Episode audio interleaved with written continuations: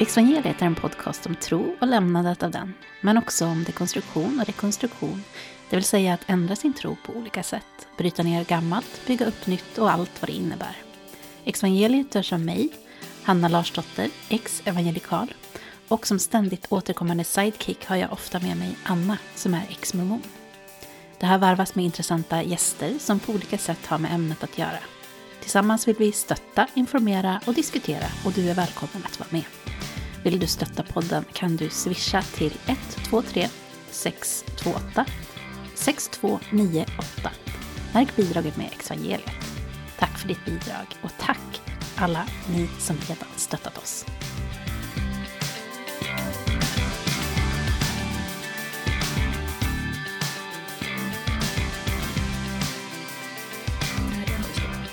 Jag slutar. Vi har blivit experter. Hej! Jag börjar om. Jag börjar. Hej och välkomna till det här efterlängtade avsnittet av Exvangeliet. Mm. Jag hoppas att några har längtat efter det i alla fall. Ja, Ja. ja det hoppas jag verkligen. det var ju väldigt länge sedan vi spelade in någonting och nu är vi här. Kanske för en sista gång. Mm.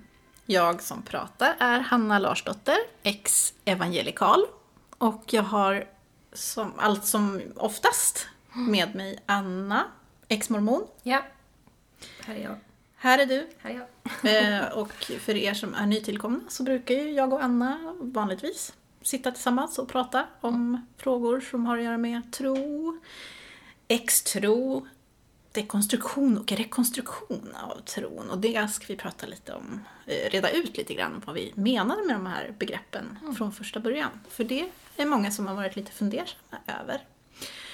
Så, eh, det här är alltså det sista avsnittet av Evangeliet. Vad vi vet i alla fall. Det kan ju återuppstå någon gång som Jesus, men Oj! här lägger vi cliffhangers. där är vi cliffhangers, Ja, men ja, ja. eh, förmodligen inte. Så att, eh, men, men- man vet aldrig, det är bra att hålla dörrarna öppna. Ja. Det kanske, kanske kommer någon uppenbarelse Ja. till oss. Kan hända. Mm. Så idag så kommer vi eh, ha en, eh, prata om de avsnitt som vi hittills har lagt upp. Det är ganska många, det är 45 avsnitt Mm. som vi har hunnit med. Ja. Så att eh, vi, vi kanske inte går in på allt, men eh, vi går in på, eh, på en del och pratar lite om när vi började, hur vi tänkte då och ehm, dagsläget Mm, idag. Hur, hur har vi utvecklats eh, i vår egen resa? Och sen eh, framtiden. Vad händer nu? Vad tänker vi? Hur kan människor kanske gå vidare med det här eh, arbetet? Som jag tycker har varit väldigt givande faktiskt. Ehm, och också, jag tycker det har visats att det har funnits liksom en, en debatt som har liksom ökat. Kanske inte på grund av den här podden precis, men det känns som att vi har fått vara en del faktiskt av den debatt eh, som har funnits nu om hur man ska lyssna på extroende, hur stor del av, av det som liksom får vikt i hur till exempel frikyrkan, som, som har varit, det har ju varit väldigt mycket i dagen sådär om, om extroende och varför lämnar folk kyrkan och sånt där. Och Så- så, har det väl varit ganska mycket efter dyningen och efter Knutby och sådär tror jag Ja. också. Alltså mycket samtal på temat Precis. liksom. Ja. Så att jag tycker absolut att det är något som ska få fortsätta. Det hoppas jag verkligen. Ja, var börjar vi Anna? Vart börjar vi? Ska vi börja från början? Ja, men vi börjar från början. Vi har ju pratat lite grann om hur, hur du och jag träffades. Eh, och det behöver vi väl kanske inte upprepa så. Nej. Men, Eller men, eh, men det började ju i, i eh, Evangeliets begynnelse då, som var vårt allra första avsnitt. Tänk att vi gjorde det en gång i tiden. Mm. Det var oktober eh, 2019. Just det, vi spelade in den i september tror jag. Ja, det kanske var så, ja. där. Mm, mm. Då hade vi känt varandra i ett halvår ungefär tror jag. Aha, spännande. Men eh, minns du någonting från det där första avsnittet? Ja, men för det ska ju vara liksom lite fokuserat på mig då och vem jag är. Ja. Ehm, ja, och hur vi träffades och så. och hur vi träffades och hur allt, ja, vad det här ska handla om typ. Så det var ju liksom min första, så här, som jag pratar offentligt om min resa och sen så vet, alltså, som jag har sagt också många gånger att jag har berättat ganska övergripande, ganska överskådligt. Jag har inte gått in så mycket i så detaljer kring allt som har hänt mig. Mm. För det är väldigt mycket och jag har liksom inte känt mig bekväm med att dela det och det innefattar också så många människor som ja, jag känner mig inte bekväm med att outa än, eller nu i nuläget. Så att det jag har fokuserat på när jag har pratat har ju varit liksom en övergripande så här värderingsresa och liksom hur, ja men hur jag, vad jag, liksom, hur jag tänkte förut och hur jag tänker nu och mm. sådär. Och det där är ju en svår avvägning tror jag för många avhoppare för att man vill ju liksom, man vill ju prata om det men samtidigt så förstår man liksom så här, församlingen och familjen, släkten kanske som man kommer ifrån att de har ju liksom i sin tankevärld gjort det bästa de kan, tror de. Och man, ja, alltså det, det är så svåra avvägningar ofta, tycker jag. Mm. Eh, och prata om det här för man, man vill vara schysst liksom. Och man vet ju själv så här, jag, jag var ju själv troende, jag stod ju själv där liksom som medlem i den här kyrkan och eh, sa samma saker som, som jag nu liksom stör mig jättemycket på eller skäms jättemycket över att jag har sagt. Och sen så har man liksom gamla vänner som står och fortfarande håller på och pratar om det här. Och man kan inte med det liksom och man vet samtidigt hur de tänker och samtidigt mm. tycker man det är så himla orimligt. Och så, ja. Mm. Det, det är mycket där ja. med att vara avhoppare just mm. från sådana här rörelser. Ja, precis. Och, och, då kan vi faktiskt gå in på det, för att vi börjar ju redan i, i trailern där, pratar ju jag om, om det här med dekonstruktion och rekonstruktion. Eh, som också är en, kanske en del av det här som du pratade om nu, men att, att vi har använt de begreppen för att beskriva eh, processer mm. som kanske ofta uppkommer i just en religiös dekonstruktion. Det har uppstått eh, lite frågor kring det. Så här, mm. Vissa har undrat, men vad menar ni med dekonstruktion? Vad menar ni med rekonstruktion? Och vad skulle det kunna vara då? Mm. Så det, det kan vi ju förtydliga lite då.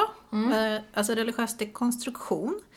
Ehm, det tänker ju jag då är när man eh, befinner sig i en religiös kontext. Det mm. kan vara frikyrkan, det kan vara mormonkyrkan, det kan vara Jehovas vittnen mm. eller diverse och man kanske börjar ifrågasätta vissa tendenser man ser, kanske värderingar som man inte håller med om. Um, det börjar skava. Det börjar skava med någonting. Och då kan man ju då hantera det här på lite olika sätt. Eh, och dekonstruktion i det fallet handlar då, eh, tänker jag, om att man börjar kunna plocka, eh, plocka lite i de här grejerna. Mm. Alltså, eh, men vad tycker jag nu egentligen om det här? Vad, vad känner jag inför en klassisk fråga som till exempel, vad tycker jag om homosexualitet? Mm. En klassiker. Vad tycker jag om abort? Vad tycker jag om Gud, gudsbegreppet? Vad är Gud egentligen? Alltså sådana där grejer. Mm. Att man dekonstruerar den, den, de dogmer som man har sett som naturliga. Mm. Som man inte har ifrågasatt överhuvudtaget. Um, och det tänker jag är dekonstruktion. Mm. Känns det som en bra förklaring? Ja men precis. Alltså mm. dekonstruera, alltså plocka ner tänker jag. Liksom plocka mm. isär. Mm. Um. Och just det där, för att förtydliga, så när man är i en religiös kontext eh, som är lite mer fundamentalistisk då skulle jag kalla det. Mm. Så, så är det inte så vanligt att man, tycker jag, att man får ifrågasätta. Mm. Alltså, eh, det tas för givet att eh, för, för jag, i den gruppen jag var, att eh, Jesus är enda vägen till frälsning till exempel. Mm. Eller Gud är så här, eller det är, man ska gifta sig innan man har sex, eller mm. sånt. Eller dop är jätteviktigt, eller du ska tala i tungor och sådana där grejer. Liksom. Mm, mm. för dig var det säkert helt andra saker som var viktiga. ja, många överensstämmer ju. Men ja. liksom, det är ju det här, man ska vara det här likriktade massan liksom, i den här församlingen mm. där alla tänker samma. Och det pratade man ju om som någonting positivt. Mm. Liksom, att det är så här, åh men nu träffar jag någon och vi vet ju vart vi har varandra. Mm. Liksom. Och jag inser när jag tänker tillbaka på den, på den tiden, liksom, att jag var ju verkligen i en verklighet där det var så här, okej okay, men är du medlem i den här kyrkan då vet jag att jag kan lita på dig. Mm. och, så, och man levde så och det är ju jättehärligt liksom, att känna att man har så många, många människor runt omkring sig och känna att man är en så starkt gäng. Mm. Samtidigt som när jag har hoppat av och börjat prata med andra som hoppat av som jag känner från den tiden så inser jag att så här, oj men vänta vi var ju jätteolika och den här saken som hände som vi båda minns tänkte vi båda väldigt olika kring men det är ingenting som vi kunde liksom identifiera eller prata om när vi var där. Och det har varit lite ledsamt faktiskt för jag är med i en, en grupp för ex-mormoner i Sverige har ibland slagits av liksom hur kanske i början av första åren när vi alla var ganska färska ut ur kyrkan, hur vi var fortfarande ganska likriktade men sen har alla liksom utvecklats åt varsina håll och så sprids det mer och mer och liksom har mindre och mindre med varandra att göra på något sätt för att livet tar sådana svängar liksom. Och i början så var jag, liksom när jag började sätta fingret på det så kändes det lite sorgligt liksom. Eh, Att det, är så här, ja, men samtidigt så ja, men det är ju klart att det är så. Alltså, men det är, ju inte, det är ju inte så sunt, tror jag, att vara så många som tänker så otroligt samma. Alltså, det, det är ju det som blir sekteristiskt ofta. Mm. Och då bildas det hierarkier och det bildas liksom mönster och kulturer, saker som inte är okej, saker du får göra, saker du inte får göra och folk blir mer och mer trängda. Och de som är liksom mest avvikande, de åker ut och mår jättedåligt. Eh, så att, ja. Ja, precis. Och det tycker jag är jätteintressant, för det tänker jag också gäller just, alltså som du pratar om, det här var en, ett forum för ex-mormoner. Och även då, alltså vi då som har en, någon typ av grupp eller community för ex-troende och även för dekonstruerande troende, att det är lätt att också, även om det är kul att kunna dela saker och liksom, ja, jag har också varit med om det där och känner du igen det här? Och Det är jätteviktigt tror jag. Men det är också, tror jag, viktigt att just komma ihåg det, att den här, äh, det här är, tycker jag, en process som ska, också ska leda till att man får känna att jag har mitt eget liv. Jag kan förhålla mig till det jag varit med om. Jag får vara bitter och sur och arg, självklart. Men det handlar kanske också om att inte bara identifiera sig som extroende. Eller i, som, som, ja, i, liksom ett slags negativ gentemot det som man har varit med om. Utan att faktiskt kunna på något sätt landa i att ja, jag har varit med om det. Men jag är mycket mer än det, eller mitt liv kan bestå av så mycket mer än det. Och då tror jag att det är ganska naturligt att man också kan få, vara, få, få delas upp sådär som du säger. Att Det är naturligt, vi ska inte fastna i den här gruppen på något sätt.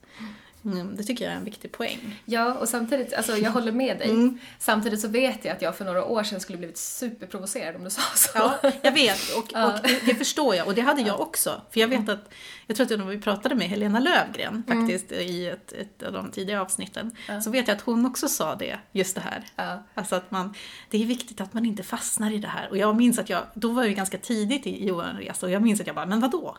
Jag är ju, det är jätteviktigt att man får identifiera sig som extroende. Ja. Och jag tror under en del av processen så är det jätteviktigt. Ja, och jag, jag, jag ja. förstår verkligen det och jag har varit där själv också. Ja, och jag börjar nog precis komma ur den faktiskt. Ja. Och det, det, då kan jag väl mer sä- säga liksom att jag tycker att det, det, ja, det är viktigt att påminna om också att det finns faktiskt en, en, en möjlighet att, att jobba sig igenom den där känslan. Eh, gör man inte det, då är det helt okej. Alltså, jag ska inte säga till någon annan vad de ska göra. Men jag kan ju mer känna att jag har hamnat där och det är kanske också en, en av anledningarna till att eh, Evangeliet nu faktiskt eh, står inför sin sista, sitt sista avsnitt. Eh, för jag känner ju att, att jag liksom Nej men kommer till en plats där jag känner här, jag har, gått, jag har fått bearbeta det här rätt jävla ordentligt. Eh, vilket har varit fantastiskt. Eh, och så. Men nu känner jag just det där att mitt liv börjar se ut annorlunda. Min, mina tankar börjar ta sig ifrån de här grejerna. Eh, och det är ju väldigt positivt för mig.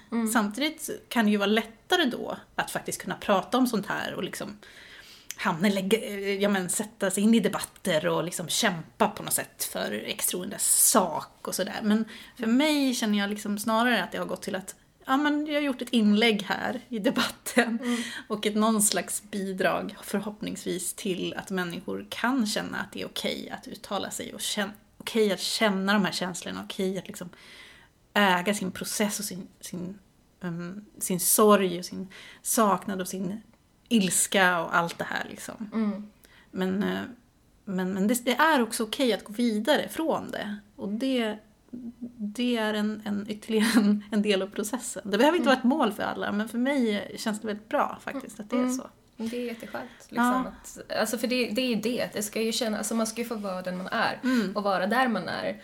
Och liksom, ja, alltså jag har ju verkligen så här äh, grävt i dödsskuggans dal i den här processen och haft det väldigt tungt med, med liksom allt det här. Eh, Just för att för mig så har det också varit kopplat till så mycket annat, liksom att helt byta liv liksom, och väldiga förluster liksom, kopplat till det här. Mm. Ehm, så, alltså, och då har, jag tror att, alltså alla har ju sin resa och det är olika för alla. Liksom. En del kanske inte, alltså det kanske inte rör dem så mycket liksom, eller det har inte betytt så himla mycket för Alltså det är olika för alla hur allas liv och resor ser ut. Mm. Eh, Men jag kan verkligen så här, om det är någon som lyssnar och inte alls känner sig där, så liksom det, det jag, jag har ju blivit så himla provocerad och det har jag pratat om det också, när, när det liksom pratas om att man inte ska få vara bitter, eller, eller att man inte ska vara bitter, typ, eller att målet är att man ska komma förbi det här, liksom, eller någonting. Och så har jag verkligen känt så här, i mina perioder liksom, att det är så här, nej vet du vad, jag har levt ett liv när jag aldrig, liksom, när det aldrig varit okej att vara sorgsen, ledsen, bitter, arg, eh, något sånt där. Och jag tänker, för fan, få vara det nu. För att det här som har gjorts mot mig har inte varit okej. Eh, och jag, alltså, det vore ju såklart jätteskönt ifall man liksom känner att man har ett liv som liksom inte handlar om alla ens trauman och all, all ens sorg på något sätt. Samtidigt så kommer jag ju aldrig liksom släppa, tror jag. Alltså, eller jag, jag tycker inte att det är ett mål att jag ska släppa, eh, och släppa det här som har gjorts mot mig, som har varit liksom, över gränsen och fel. Och, liksom, ehm, och det, det vill jag liksom, det tycker jag verkligen man har rätt till sin bitterhet över. Utan att det är någon skam kring att man är bitter. För det kan ju verkligen vara sådär, åh du är så duktig som inte har blivit bitter. Så, som är kvar som någon slags postkristen ideal liksom. Ehm, nej, jag vill slåss för rätten att få vara bitter. om, man, om, man, om man är det. Alltså är man inte det, jätteskönt. Men är man det så har man rätt till den känslan. Och den kan faktiskt vara fruktsam på andra sätt. Alltså att man faktiskt kanske är då en röst som berättar hur ont det gör när, man, när sådana här saker händer. Eh, och att det kanske faktiskt kan hjälpa till insikter för hur vi gör mot nästa generation. Liksom. Mer bittra röster. Ja, eller bara liksom att det är så här. Är man bitter ska man inte sitta och vara tyst. Nej. Alltså för, för att det är väl det, liksom att det är så, ah, men du är så bitter, vi vill inte höra vad du har att säga. Det är så här, ah, men, eh, eller är det precis dem vi ska lyssna på? Alltså de som har farit så illa. Så att de har jättesvårt att få ihop sina liv. Liksom. Är det inte de som vi ska höra på? För de kanske var de som var känsligast. Och i nästa generation så finns det ett till gäng med jättekänsliga som kommer sitta där och vara bittra om 20 år ifall vi inte lyssnade på erfarenheterna. Liksom. Så Precis. det, det finns verkligen så här plats för alla känslor. Ja men verkligen och det tror jag, det tror jag har varit den viktig, viktigaste delen för mig faktiskt. Just det där att kunna få göra sin röst hörd. Att kunna få sätta ord på det man har varit med om. Och för mig har det nog hjälpt väldigt mycket. Men även att kunna ge andra en röst eller kunna ge andra legitimitet. Och jag tror det har läkt, gjort att jag har läkt väldigt mycket själv. Eh, alltså jag säger inte att jag kan bli arg och inte vara bitter nu också. Men det är på något sätt, det, det har gått över den värsta, det värsta liksom glöden i mig för den här frågan. Eh, det har det. Eh, men jag känner också att man kan inte, man, man, en person, eller en person, jag menar att det är inte, hänger inte på en person eller på två personer eller i slutändan, Ytterst. ytterst. Ytterst, handlar det ju ändå om att, att du som individ får, får gå din väg och göra det som, du, som är viktigt för dig i din process. tänker jag. Och då är det ju jätteviktigt att ha de här andra rösterna som, som berättar att det är okej att du känner så här. Du får säga grejer, du får uttala dig, du är inte ensam. Liksom. Som jag tänker ju då på vårt avsnitt, vad var det nu då? Vårt åttonde avsnitt så pratar vi om det där, vill du vara god eller vill du vara hel? Den är ganska eh, karaktäristisk, tänker jag, för hur vi har tänkt lite grann i det här projektet, eller vad man ska säga. Det är jättefint ifall alla är lyckliga och glada, men om vi inte är lyckliga och glada då? ska vi hålla tyst med allt som är svårt? Nej, jag tycker ju faktiskt inte det, för då blir det sekteristiskt. Och det är inte hälsosamt. Det är svårt med svåra känslor, men de har fortfarande en plats. Och Ja. i då, om vi återkommer till vad vi pratar om, vi pratar ju om rekonstruk- äh, dekonstruktion och i de här dekonstruktionerna så kan det ju uppstå då, alltså när man ifrågasätter det man har lärt sig är sant och riktigt, så uppstår det ju ofta sådana här typer av känslor som kan kännas liksom både skamfyllda och problematiska på olika sätt. Man kan bli rädd för att förlora allt man har och man kan bli rädd för vad andra ska tycka och tänka och sånt där. Så att det, det är ju en del av den här dekonstruktionen som vi pratar om. Och sen har vi pratat om rekonstruktion också. Mm. Och då om man tänker sig att om man, man då har plockat isär allt man har trott på tidigare eh, så handlar det ju också om att bygga upp kanske någonting som man själv känner att men det här är faktiskt det jag tror på. Eller det här är det jag står för. Alltså, det här tänker jag är jättevanligt, speciellt om man har låtit dekonstruktionen, eller låtit, om dekonstruktionen har kommit så långt så att man helt har tappat tron på kanske grunden, typ Gud. Som ju både du och jag har gjort. För jag tänker att dekonstruktionen kan också hamna i att jag tror fortfarande på Gud. Men inte på den här typen av Gud. Eller inte på de här typen av läror eller den här typen av värderingar. Och då är ju rekonstruktionen på ett annat sätt. Då är det ju mer så här, kanske, ja men hur ser min bild av Gud ut då? Eller vad vill jag tro på? Vilken kyrka vill jag vara i? Vill jag inte vara i den här evangelikala kyrkan? Jag kanske vill vara i Svenska kyrkan och så vidare. Och det är ju en också en typ av rekonstruktion då, att nej men jag byter kyrka. Typ. Jag bygger upp min tro på det här sättet. För dig och mig då som har ju hamnat i någon slags ateistisk världsbild från att ha haft en teistisk världsbild, alltså vi har trott på Gud och vi har trott på Je- eh, ja, jag har trott på Gud och Jesus och treenigheten och allt det där och du har haft din mormonska, mormonska tro. Eh, att, att när man då tappar allt det där och hamnar på någon slags nollpunkt, alltså verkligen värld, din världsbild är bortslagen under dina fötter liksom, Ja. och du måste skapa en helt ny världsbild så är rekonstruktion för mig i alla fall var det liksom som att uppfinna en helt ny identitet nästan. Ja. Eftersom jag har lärt mig från början, när jag var noll år, Nej, men att, att så här ser världen ut. Det finns en gud, det finns änglar, det finns demoner, det finns... Din frälsning beror på om det står rätt till för dig med Jesus Kristus. Liksom. Ehm, du ska vara döpt, du ska ta lite tung och du ska göra allt det här för att bli räddad och sånt där. Och när det då försvinner, vem är jag då? Vad tror jag på? Finns det en, någonting övernaturligt överhuvudtaget? Hur ska jag tänka på världen? Hur ska jag tänka på moral? Allt det där. Eh, den rekonstruktion, att återbygga på något sätt sig själv då, eh, blir en annan del i processen i, i det här eh, att, för, att det religiösa försvinner. Hur förhåller jag mig till det? Ja. Hur förhåller jag mig till de som fortfarande är religiösa? Min familj, mina vänner. Hur, hur, vad ska jag ha för relation till dem? Hur ska vi prata med varandra? Alla de där grejerna, de sociala och också de identitetsmässiga, liksom, det, det behövs. Det, det är en lång process alltså, som, eh, som är en typ av återuppbyggnad. Liksom, att bygga upp ett, ett hus nästan på nytt. Nej, men liksom, vad tänker du om det? Är det en bra förklaring? Ja, jo verkligen. Ehm, och jag tänker det är ju så mycket i det där, liksom när man... För det har jag berättat om också många gånger, att för, mig, för dig så var det ju kanske en lite mer längre process som var lite mer, jag vet inte om man ska säga sund, eller vad man ska säga. Alltså för mig så var det verkligen en total krasch liksom över några veckor.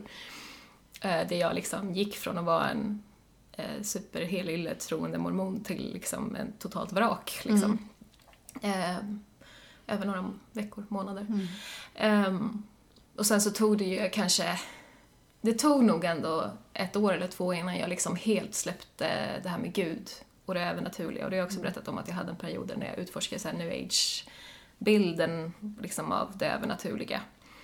Ehm, och var inne i de tankarna en sväng för att liksom försöka bringa någon reda i allting som man ändå har upplevt med det andliga. Liksom man vill hitta andra förklaringar på så här, men vadå, jag har ju upplevt Gud, jag har ju känt det här när jag har bett, eller jag har ju liksom eh, ja, allt, och, och, och det här, alltså allting man har gjort liksom, på den här grunden av den här religionen, eller den här världsbilden, alltså allt jag har gjort för Gud, liksom. Det har ju varit en jätte jättejobbigt att bära liksom, att jag har så mycket erfarenhet, jag har så mycket meriter, jag har så mycket relationer som är liksom grundade på eh, utifrån den här gudsbilden, liksom, eller den här teologin, eller den här mormonläran. Och helt plötsligt så är man liksom, okej men det där, jag tror inte på det där längre. Varför har jag då spenderat liksom 10-15 timmar i veckan på den här religionen? Liksom? Eller varför har jag då liksom läst mormons bok och bibeln varje dag? Varför har jag bett hela tiden? Liksom, varför har jag jag åkte på en sån här korttidsmission för kyrkan. Alla har ju sett de här mormonmissionärerna som är ute. De är oftast ute i ett och ett halvt eller två år. Jag var ute en månad. Mm. Men ändå liksom, så, varför la jag en månad på det liksom? alltså, och all det här ångern som, man liksom, som översköljer när man liksom tänker på allt som man har gjort utifrån en grund som nu är borta. Liksom. Det, det har jag tyckt varit jättesvårt att arbeta mig igenom. Liksom. Att, så här, att vara okej okay med eh, all tid och energi som man har lagt på, på det här. För att liksom, om jag tänker nu så bara, men det hade tänk om jag hade liksom lagt den tiden på min utbildning. Då hade jag inte suttit här nu, vara 34 år och fortfarande inte ha min examen. liksom. Eller då hade jag inte mm Liksom, då hade jag kunnat åka jorden runt som jag kanske hellre hade velat göra liksom, när jag var 20 istället. alltså förstår du? Det är så här, mm. man får så mycket så här, ånger över saker och ting. Um, Känns det liksom som att de åren är bortkastade, eller de erfarenheterna, alltså det är liksom, ja att det är bortkastat? Det har jag känt jättemycket. Jag har varit otroligt bitter över liksom all, allt som jag har känt varit förspilt mm. på det här som nu inte tjänar mig någonting till godo liksom. Eh, det har varit jättemycket tunga, svåra känslor kring det. Eh, sen så ju längre och längre jag kommer ifrån det så kan jag ju också se så att ja, det är ju en, en erfarenhet som är ganska ovanlig och som jag kan använda, hoppas jag, för att liksom ge, alltså för att prata om det, för att det är liksom, det är inte, alltså det är ju ett outforskat område för många. Eh, till exempel hur möter man personer i sådana här grupper eller hur mm. stöttar vi barn från sådana här grupper eller hur liksom ja, hur hjälper man personer som lämnar sådana här grupper? Alltså det finns ju, det finns ju mycket som behöver forskas på och liksom utforskas. Mm. Eh, så att det är väl det jag kommer till mer och mer, att liksom för mig så har ju det här projektet varit liksom ett, att börja ta de här stegen till att göra någonting av mm. den här erfarenheten som har varit så otroligt tung. Liksom. Att det kanske faktiskt får vara värt någonting på ett annat sätt. Mm. Liksom. Jag tänker att både du och jag är ju på något sätt sådana personer som också så här, jag, men, alltså, jag, jag tänker mycket så, alltså att det är en erfarenhet och så, för jag är mycket så här, men jag kan inte göra någonting åt det. Jag vill inte fastna i det här har varit bortkastade år. För mig personligen är det en, det är en destruktiv tanke som gör att jag blir ledsen och bitter. Mm. och man får vara det som sagt. Mm. Men jag vill inte vara där. Det är inte, jag, då skulle jag liksom vara deprimerad och, och hej och hå. Alltså det, det, det, funkar inte för mig. Nej. Utan jag vill snarare försöka se det som, ja men okej men vad kan jag använda det till? Mm. Och det har varit väldigt naturligt för mig. Mm. Och jag mm. tänker också som sagt, du är också kanske en person som skulle kunna tänka dig att engagera dig i frågor om barns religionsfrihet eller men så mm. vidare. Mm. Eh, alla kanske inte har den, den drivkraften. Nej. Alltså vissa kanske inte vill överhuvudtaget tänka på de här grejerna utan man bara, åh, jag har lagt flera år av mitt liv på det här mm. när jag kunde ha gjort någonting annat som berikade mitt liv. Mm i, i den vanliga världen, man ska säga. Mm. Och, då, och där kan jag förstå kanske ännu mer att man verkligen kan känna sig bitter och arg över all den här tiden som man har lagt ner på mm. diverse olika engagemang i kyrkan. Mm. För man är ju väldigt, alltså jag var också väldigt engagerad i kyrkan. Man ner tusentals timmar på liksom, lovsångs, mm. lovsångsteam och uh, bönegrupper och alla möjliga saker. Liksom. Um, men jag tänker att, uh, jag, jag, bara tänker att det är inte alla som heller känner den där, åh jag vill använda det här till någonting. Nej, alltså jag, jag tänkte ju verkligen så här, i början så var jag så himla desorienterad och chockad och liksom i total kris. Och jag löste då liksom, för, för jag kände någonstans så att Eh, alltså jag, jag, sa faktiskt för mig själv många gånger, det här låter ju så himla svart, men det var så svart det var att jag kände såhär, mitt hjärta är liksom inte krossat, det är smoothie mm. över det här. Jag, jag, vet liksom inte vad jag ska göra med det här, det är för stort, det är för allomfattande på något sätt och ska jag börja bearbeta det här, då kommer jag inte göra något annat i resten av mitt liv. Så mm. kände jag. Mm. Så jag kan inte ta i det här just nu. Jag skiter i det, nu får jag mitt liv att handla om andra saker och jag gick liksom all in i min utbildning och min dotter och liksom mm så jag bara, jag ska ha ett nytt bra liv. och, inser också att jag fortfarande på något sätt i viss mening var troende, för jag trodde fortfarande på någon slags himmel, förstår du? Alltså, mm. det, var, det tog mig ett tag innan jag inser att så här, vänta, allt kommer inte bli bra. Alltså jag är inte på väg till den här himlen, det här fantastiska när allt blir underbart. Det kommer ingen att frälsa mig. Liksom. Det är inte min utbildning, inte mitt jobb, så här, inte mina barn. Ingen kommer frälsa mig. Liksom. Utan det är skit. och det, det, det är liksom, jag har blivit lurad att tro att det ska vara någonting annat. Men det är så här, det här är mitt liv. Och vad ska jag liksom, ja. Eh, Det, var, det var en lång process. Men liksom, och, men alltså för vissa kanske det funkar att göra så. Bara, nej men okej, nu får mitt liv handla om, om det jag vill. Och så kan de gå vidare. Eh, jag försökte det, det gick sådär. och sen har jag suttit här och pratat med dig i, i 30 avsnitt och försökt bena ut det här. Eller hur många jag har varit med på. ja, men, men jag liksom- förstår, du menar, du menar det här liksom att, att och jag, jag har nog också varit där, att man bara försöker, man bara försöker stänga av allt det där. Ja men jag skiter i det där nu, jag bryr mig inte längre. Ja. Jag vill bara leva mitt liv och inte tänka på det här som jag har engagerat mig i och alla de här frågorna. Utan man försöker, men jag kan också känna det, liksom, alltså jag försökte det också och upptäckte att det inte gick så bra. För att jag hamnade i konflikt med, för mig var det att jag hamnade i konflikt med eh, nära och kära. Att jag blev alldeles för så aggressiv i mitt eh, sätt att uttrycka mig om troende. Att jag blev så här, ja men varför tror du på det här? Eller liksom, hur, hur, hur resonerar du med det här då? Eller problematiserade väldigt mycket med Gud och Bibeln och sånt där. Så jag kände väl liksom, alltså för mig funkar inte det för att eh, jag visste inte hur jag skulle förhålla mig till de som jag, alla de som jag, hade, som jag hade relationer med, som trodde fortfarande. Och där kände jag att det behövdes just den här, det här samtalet på något sätt. Och då kan vi ju då eh, gå vidare in på, vi ska fortsätta prata lite om avsnitt där, men, men jag tänker det här är viktigt att prata om för att under den här processen, så jag har ju kanske främst jag, vi har ju kommit fram till det här tillsammans, men det här med att, att jag har velat rikta mig just både till ex-troende som har lämnat, som är ateister eller vad man nu är. Eh, Men att man har lämnat gudsbegreppet liksom bakom sig. Eh, Men också till de som är i den här dekonstruktionsprocessen då. Jag har velat göra det därför att jag tänker att det är också i, i den processen som man ofta behöver någon att bolla med och lyssna på och kanske få lite guidning. Eh, Och jag vill också kunna prata med de som inte tror, alltså som inte har lämnat gudsbegreppet helt. Jag vill att det ska finnas liksom, någon typ av respektfull förståelse där. Och det kan ju vara en utopisk tanke. det är det förmodligen. Men alltså, det finns någonting där som jag tycker är så viktigt för jag, jag det går inte riktigt att prata med varandra när man hamnar i den här jätteaggressiva tonen mot varandra.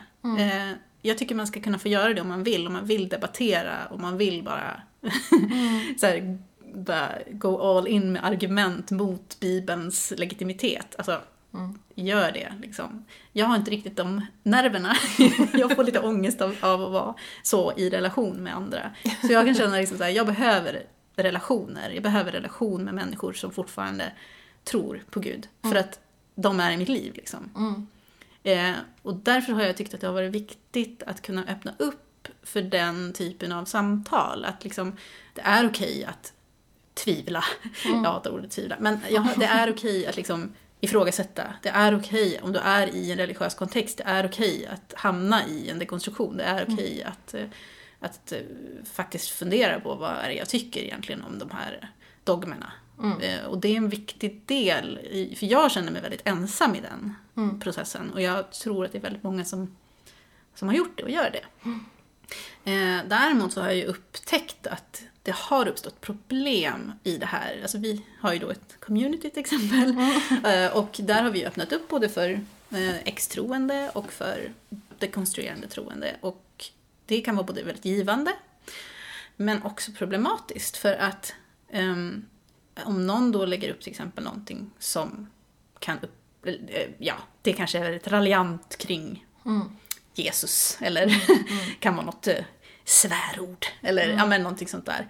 Eh, så, så kan eh, kanske den som fortfarande är i en, en, en tro på Gud och så här kan kanske känna sig stött eller så vidare. Ehm, vilket ju inte är meningen, men eh, det finns också en poäng i det här att på något sätt säga, alltså de som har lämnat, att man faktiskt får skämta om Jesus. Vi har ju inga problem, du och jag. Sen tänker jag, vi kan ju raljera ganska mycket. Och i, det här, i den här podden och i, också i communityt, vi har ju verkligen velat ändå skapa någon typ av så här respektfull ton. Men jag menar, jag kan ju säga personligen så hade jag ju inte haft problem att göra en podd där man bara sitter och raljerar över religion och Jesus. Men liksom att, att man... Det är liksom, för mig är inte det känsligt överhuvudtaget att skämta om. Nej. Samtidigt så vet jag ju att det är, kan vara, kännas jätterespektlöst mot någon som fortfarande tror. Så jag fattar ju den här, den här dubbelheten och det har varit ett, ett, en svårighet tycker jag. Just när det kommer till att, att förena de här två dekonstruerade och också de som har lämnat helt.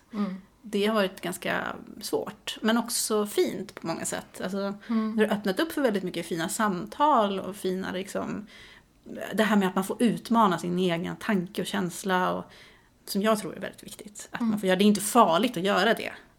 Alltså, sen kan man ju bli triggad av grejer. Alltså, har man varit med om övergrepp på olika sätt så kan det vara jättetriggande att någon sitter och skämtar om saker som kan ha att göra med de här typerna av eh, övergrepp. Liksom, eller vad man ska säga. Um, så att triggas kan man ju göra. Det förstår jag och det har jag också blivit många gånger. Eh, samtidigt tänker jag att det är också, ja, alltså det är svårt att vara politiskt korrekt hela tiden om man ska säga. Um, det, det, är, det, är en, det är en snårig väg. Ja, och jag, för jag tror också att kommer man från en religiös kontext så är man ju van vid ett visst utrymme kring de här frågorna. Och det är det som ofta blir krocken när man då umgås med sekulära, tänker jag. Eller ateister på något sätt. För att man, man tror sig ha rätt till så mycket space kring det här. Ehm, I alla fall, alltså från min egen erfarenhet, jag säger det här med egen erfarenhet och det gäller inte alla, allt som alltid, det gäller kanske inte alla.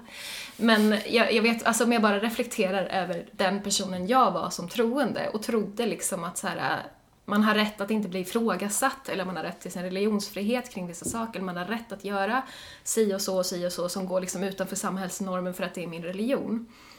Eh, men det är just där som jag tycker att det är viktigt faktiskt att så här, hörni, eh, ja du tror på det här men du får fortfarande inte göra så här. Eh, För det är inte schysst mot oss, liksom.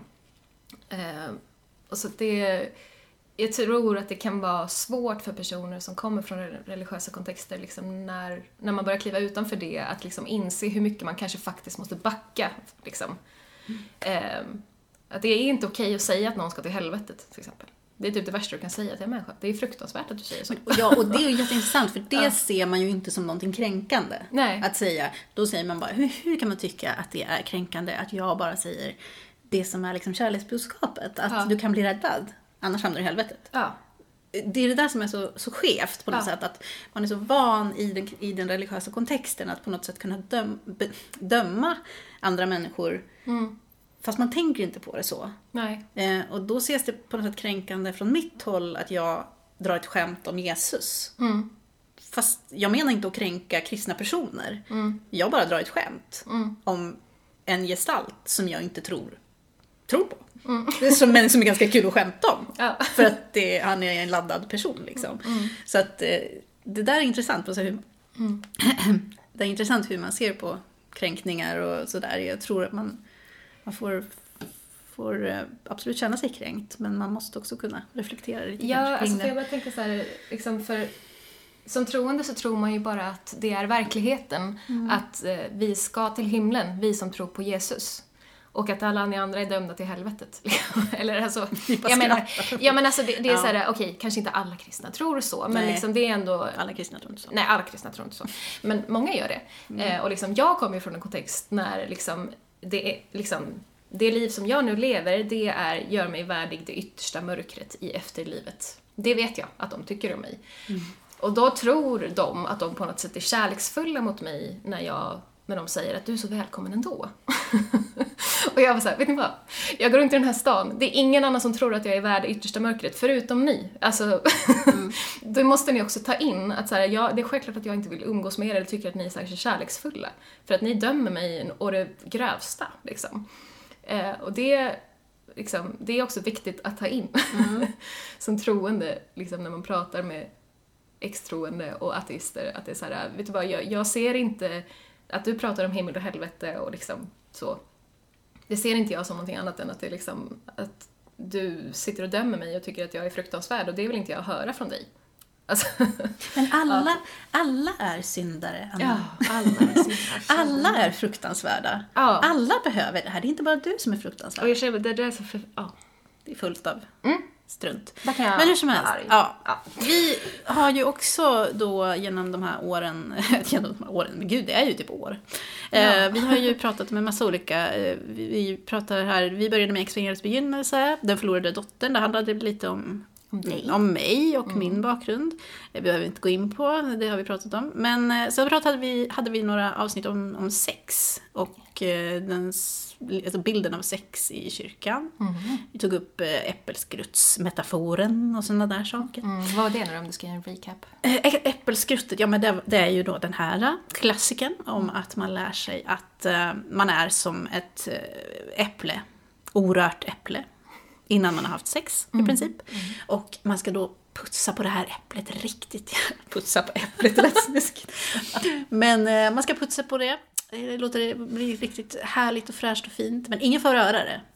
För att eh, om du då har sex så tar någon en tugga av det här äpplet och har du sex med flera så kommer det tyvärr till slut bara vara ett äppelskrutt kvar av dig och det du har att erbjuda sexuellt. Och ingen vill väl ha ett äppelskrutt Mm.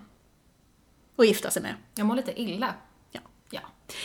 Det är äppelskruttsmetaforen som ju lärdes ut i alla fall till väldigt många unga människor eh, under eh, 80-90-talet i alla fall, och och 2000-talet kanske. Och som jag vet ju har debatterats lite att det ska vi inte använda oss av.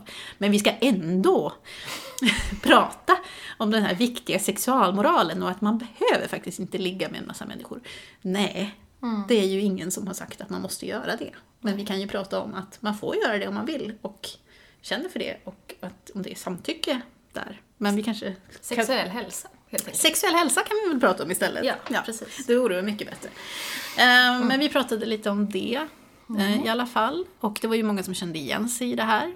Och jag vet också, jag har ju fått ganska mycket respons på just att det är många som har kanske problem med sin egen sexualitet. eh, När man har varit i en, i en renhetskultur, eller man ska säga. Och, och jag tror att oavsett om man använder äppelskruttsmetaforen eller om man bara pratar om det som att det är viktigt att du håller på dig fram tills... Nej, man säger inte så, men liksom det här, du ska vara ogift. Nej, du ska vara ogift. Du ska inte ha sex förrän du gifter dig. Alltså, mm, att det finns som en norm, bara det tycker jag är ett problem. Ja. Det, så liksom, det ska finnas som ett alternativ, tycker jag. Alltså, välkommen om du vill vänta med sex tills du är gift. Alltså, good for you. Good for you också om du inte vill göra det. Ja.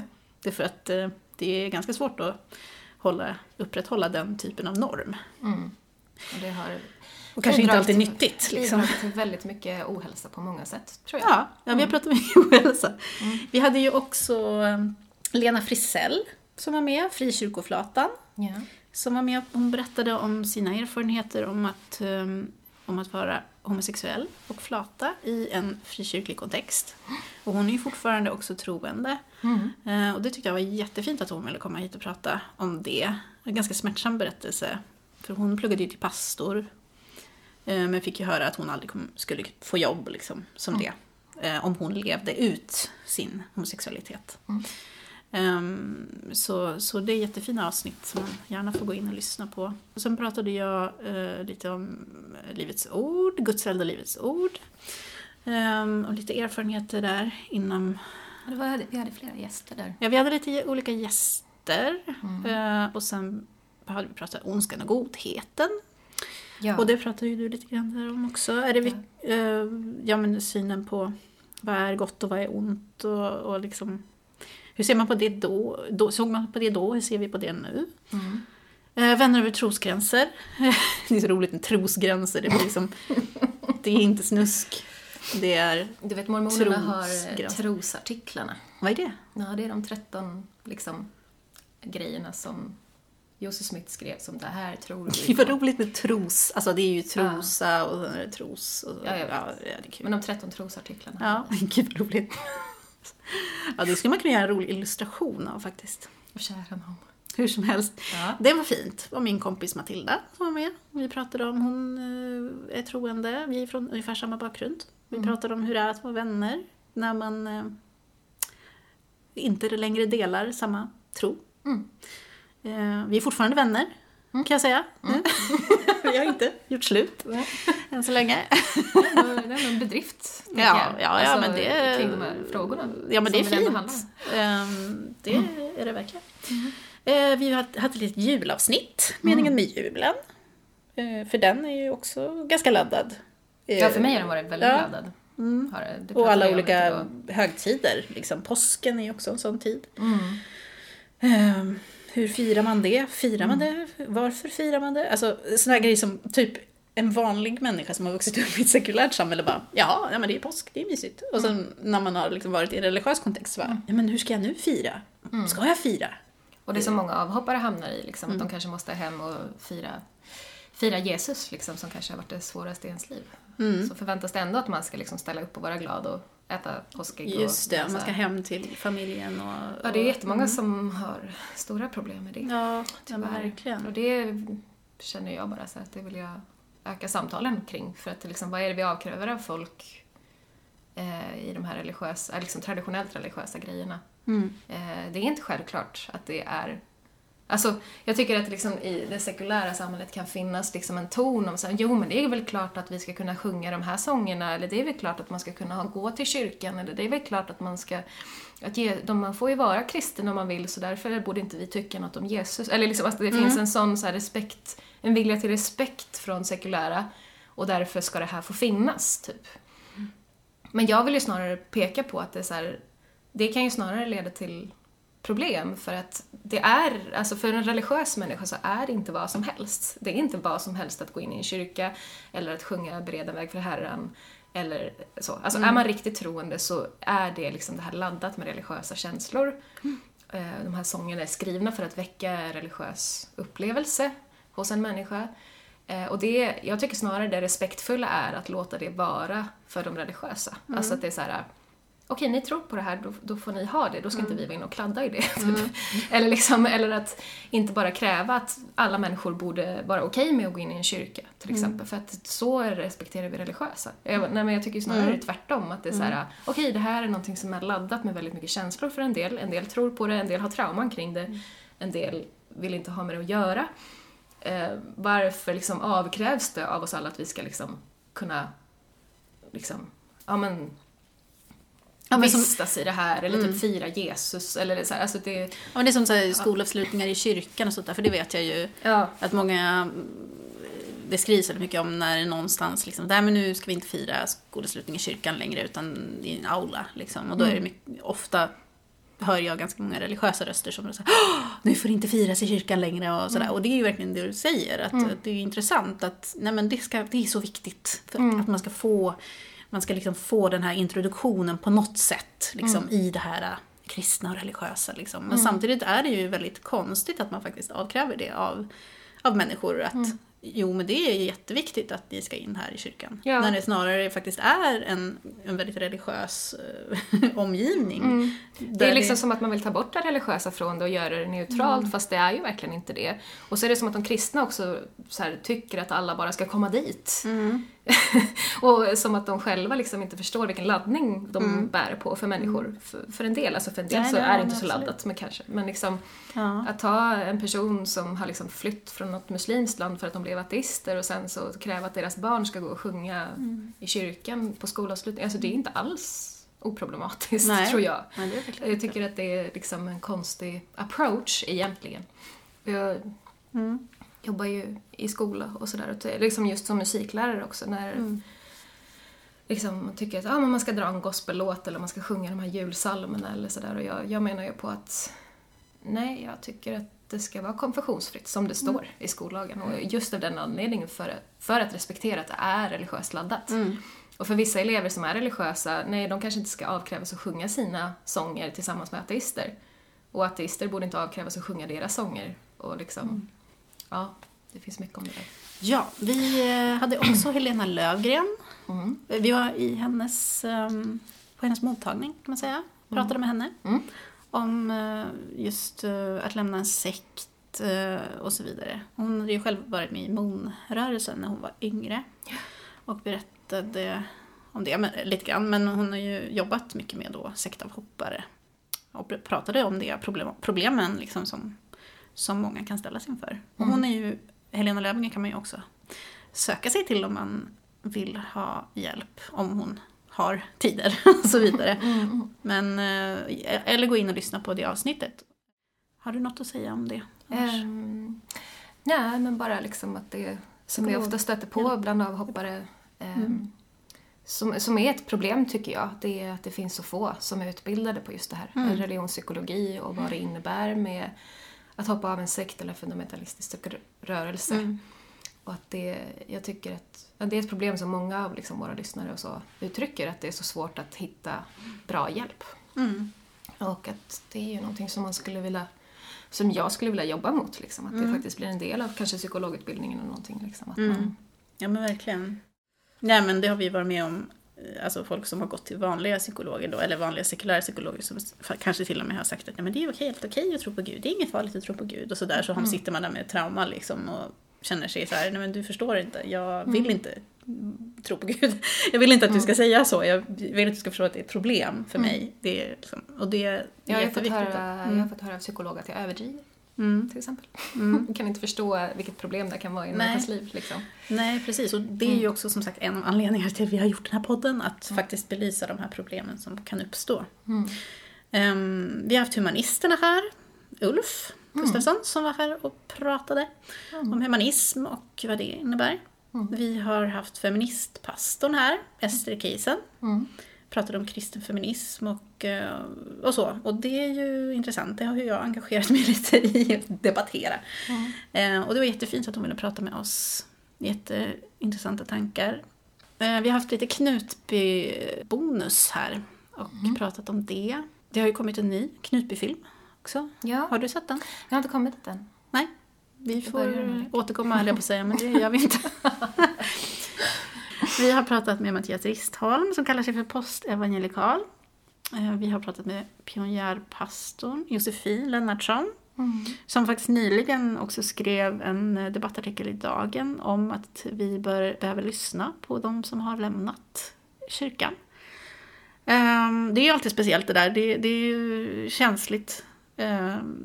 Både när någon säger vi behöver lyssna på de som har lämnat och när någon säger vi ska inte lyssna på de som har lämnat. Jag tänker att det är ofta när någon säger så här, vi måste lyssna på de som har lämnat och det är så här, aha varför ska de lyssna på oss? Ska de bli bättre på att övertala oss om att komma tillbaka? Alltså typ så.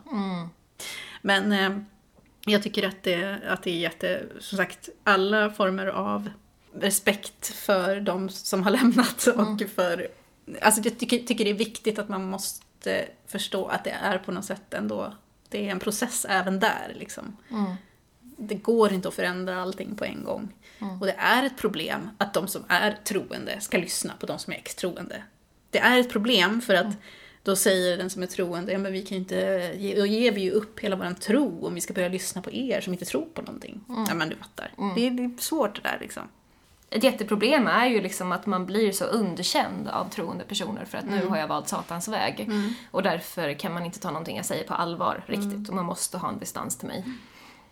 Sen kan de stå där och säga att de älskar mig hur mycket som helst och vill ha mig tillbaka, men det är ju det som är grejen. Jag vill ju bli äl- det har jag också gråtit om i något avsnitt, så jag vill ju bli älskad för, för att jag har hoppat av, Ja. inte trots att jag har hoppat av. Ja, ja, Därför att jag, för, liksom, jag, Exakt, jag exakt, hör det hårda dömandet som ligger i att jag älskar dig trots. Mm. Det, det säger liksom allting om att du faktiskt tycker att jag är värd helvetet för mig. Alltså, jag, jag förstår, ja, precis. och liksom, Det är svårt det där. eh, och att det liksom, för, för jag vill ju så här. hörni vi lever i en demokrati, vi tror på allas lika värde ändå. Men du säger ju att du inte gör det när du inte, liksom, när du inte har kommit på att min röst är värd att höras. Typ. Jag förstår inte ens varför, eller jag blir så provocerad över att jag ens ska behöva förklara för en vuxen människa att vet du vad, mina erfarenheter räknas också. Och då, här, att de ens behöver liksom komma på att så, ah, men vi borde kanske lyssna på avhopparna. Bara, ah, vet du vad, jag förväntar mig det av en person jag ska ha runt mig.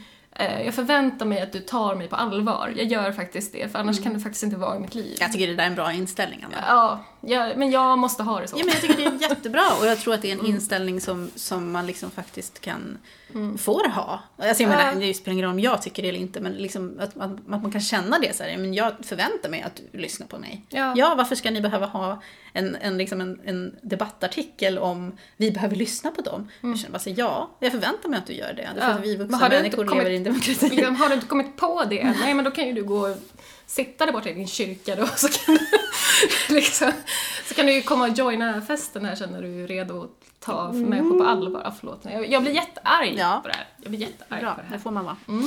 Vi har pratat om sekulär andlighet med Carl Gustav Olofsson. Också jättemysigt avsnitt, tycker jag. Ja, äpple. Ja, det var äpplet där ja. Ja, gå in och lyssna på det. Det var spännande. Kan man vara, vad är andlighet och kan man vara andlig även om man är sekulär och, ja, och så vidare. Andlighetsbegreppet. Mm. Spännande. Vi har pratat om att vara ett vässel med Josefin Frank. Ehm, också väldigt fin eh, berättelse. Vi har också avsnittet Tanatologen med Philippe de Croy där vi pratar om döden. Han är ju dödsexpert. Mm. Jobbar på Historiska museet. Och eh, det är ju viktigt, just samtalet om döden tänker jag. Eftersom mycket av, mycket av det religiösa handlar om livet efter döden. Mm. Och hur hanterar man det när man inte längre tror kanske på ett liv efter döden. Mm. Eller hur man tänker kring helvetet och sånt där. Ehm, satanisterna har det här. Mm. Säger jag lite så här. Det är ju ett avsnitt som jag vet många har haft svårt att gå in och lyssna på. Alltså som har varit så här väldigt läskigt att gå in och lyssna på. Mm. Eh, och det tycker ju jag som inte tror på Satan eh, är lite kul, men samtidigt förstår jag det. Det är lite läskigt. Det är ju en läskig, eh, läskigt ämne om man, om man tror på Satan och det, djävulen och helvetet och sånt där. Mm. Men det var också, jag säger att alla avsnitt är jättefina, men det var ett jättefint avsnitt tycker jag. Det var jättekul för de kom och berättade om vad de står för. Mm. Och vad de tycker och tänker och sånt där. Så att eh, jag tycker att eh, är man nyfiken på satanisterna ehm, så ehm, tycker jag man kan gå in och lyssna. För det kanske är en helt annan bild än vad man tror. Ja, sen, Sen finns- det ju många Ja. olika satanister. Det förstås. finns, ja absolut, Mm. och de representerar ju inte alla. På samma sätt som att inte alla kristna representerar eh, alla kristna, på säga. Nej men det finns, det finns säkert jättemycket också inom satanisterna som har blivit sekteristiskt och så vidare. Mm. Så att, eh, så. Men det är två röster i alla fall från några svenska sat- satanister. Eh, Ja, vi hade två avsnitt där jag undersökte mormonerna och du undersökte frikyrkan. Ehm, som var spännande, intressant. Och så har vi haft lite... Jo, vi har pratat om corona. Mm. ehm, lite grann också. Om föreställningarna, kanske om... Kommer Jesus frälsa de kristna från corona eller inte? Ja, lite sånt ja. Ja. Ja, men reli- alltså, kanske också religiösas liksom, inställning till corona och så här, sista tiden och lite sådana där grejer tror jag vi pratade om där. Ehm, vi har pratat om Unorthodox, alltså en film eh, där en um, judinna lämnar eh, en konservativ judisk sekt, Ja. kan man kunna säga. Mm. Eh, vi hade Jesper Alin Marcheta här, pratade om det och så hade vi ett eget avsnitt om det också. Mm. Vi har haft eh, en till humanist faktiskt. David Rönnegard, humanisternas nuvarande ordförande, var här och berättade om vad han tror på, om humanism. Och sen hade vi arga avsnitt, två arga avsnitt. Ja, kära någon. Det var kul. Få vara lite arga. Där, fick, där släppte vi ut vår ilska. hela tiden. Vi skrev arga manifest gjorde vi också. Ja. Ehm, och det var kul. Vi, vi tycker det är viktigt att man får vara arg. ja, det har vi sagt många gånger nu. Jag, Men det är liksom, även jag om man inte alltid är det. Så Eh. Eller jag, jag bara känner så här, för mig... För mig så har det varit så viktigt i min resa, liksom att få att få tillåta mig vara så svart och svår som jag faktiskt är ibland.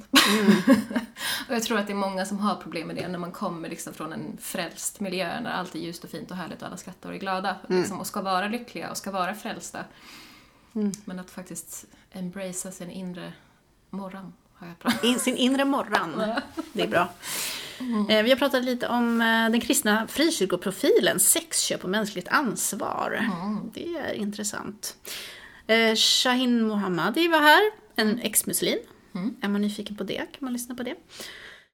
Gud vad många avsnitt vi har haft. Gud, det känns som en... Det har varit produktivt, Jag Hanna. har varit väldigt produktiv, det är därför jag har bränt ut mig totalt.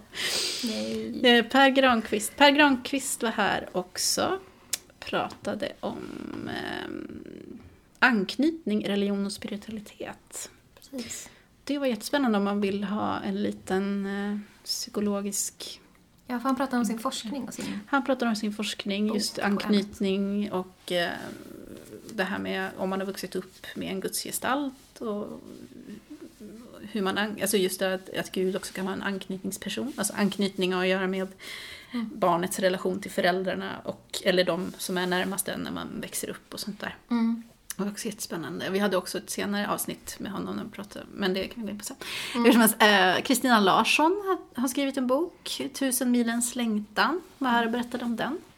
Vi pratade också med Kajsa Nordlund, eh, Becoming, becoming an- ex-mormon, hon är illustratör. Berättade om eh, hur hon ehm, gick med, gifte, gifte in sig i mormonerna kan man säga. Eh, om hennes eh, väg ut. Och sen har vi pratat om dekadens. Det mest förbjudna. Om, vad var det? Om alkohol och svordomar och Sex. och Allt det snusk och hej och bo. Det var kul. Ja. Det tycker jag man får götta sig i lite grann när man känner att man har lite skam kring det där. Vi har också pratat om en troendes guide till respektfullt bemötande. Ja. Vad var det den handlade om? ja. Vi fick in lite frågor från troende som undrade hur de skulle bemöta oss respektfullt. Just det, då svarade vi på det. Ja, pratade om det. Vad man, vad man kan säga, vad, vad, hur, hur, hur pratar man med en ex-troende eh, när man själv är troende? Utan att, eh, ja, och fortfarande kunna ha någon typ av respektfullt bemötande där. Mm. Eh, Sekularitetens psykologi, där var Per, per Granqvist här också, hade en eh, kollega med sig. Eh, och de berättade om, eh, om sin forskning. Vi fördomar, stereotyper och nidbilder Mm. hade vi där. Ehm, och sen var ju Sanja Nilsson här och eh, pratade om sin forskning. Mm. Ehm, om barnen i Knutby, som hon har forskat kring. Och ehm, det var jättespännande att höra. Mm. Och där pratade vi om den här olika bilden man har när man, när man är i en, i en sekt. Mm. Och um, den här olika identiteten man har när man är i en sekt och när man har kommit ur en sekt. Mm. Och att man kan vara, när man är i sekten eller den religiösa liksom, omgivningen, att då kan man liksom försvara allting som har med sekten eller religionen att göra. Och sen befinner man sig helt plötsligt som en extroende eller att man har hoppat av den här sekten eller vad det kan vara. Och då hamnar man i ett automatiskt motförhållande. Liksom. Mm. Och att det därför kan vara så svårt att få en bra bild, en korrekt bild av hur har det gått till eller liksom vad hände egentligen i sekten och hur är det nu? Och, alltså, det kan vara svårt att, att fånga den där helhetsbilden eftersom den ser så olika ut för en, någon som är med i gruppen och någon som när man väl har lämnat. Mm. Hur tänker du kring, kring den? Ja, att, ja, nej men alltså den här processen av att hoppa av, den är ju så den är så allomfattande. Alltså när jag, när jag träffar andra avhoppare som jag kommer i kontakt med genom podden, jag har fått lite nya vänner och så liksom genom det här. Och liksom när vi ses och fikar eller någonting och så blir det liksom, eh, om det är liksom ett tryggt klimat i en sånt möte så är det liksom att bara öppna ett vattenfall och vi kan liksom både sitta och bara prata bara bla, liksom, i timmar om det här och till slut tror de att så här, okej, nu måste vi stoppa och så måste vi gå hem och sova och så får vi fortsätta nästa gång.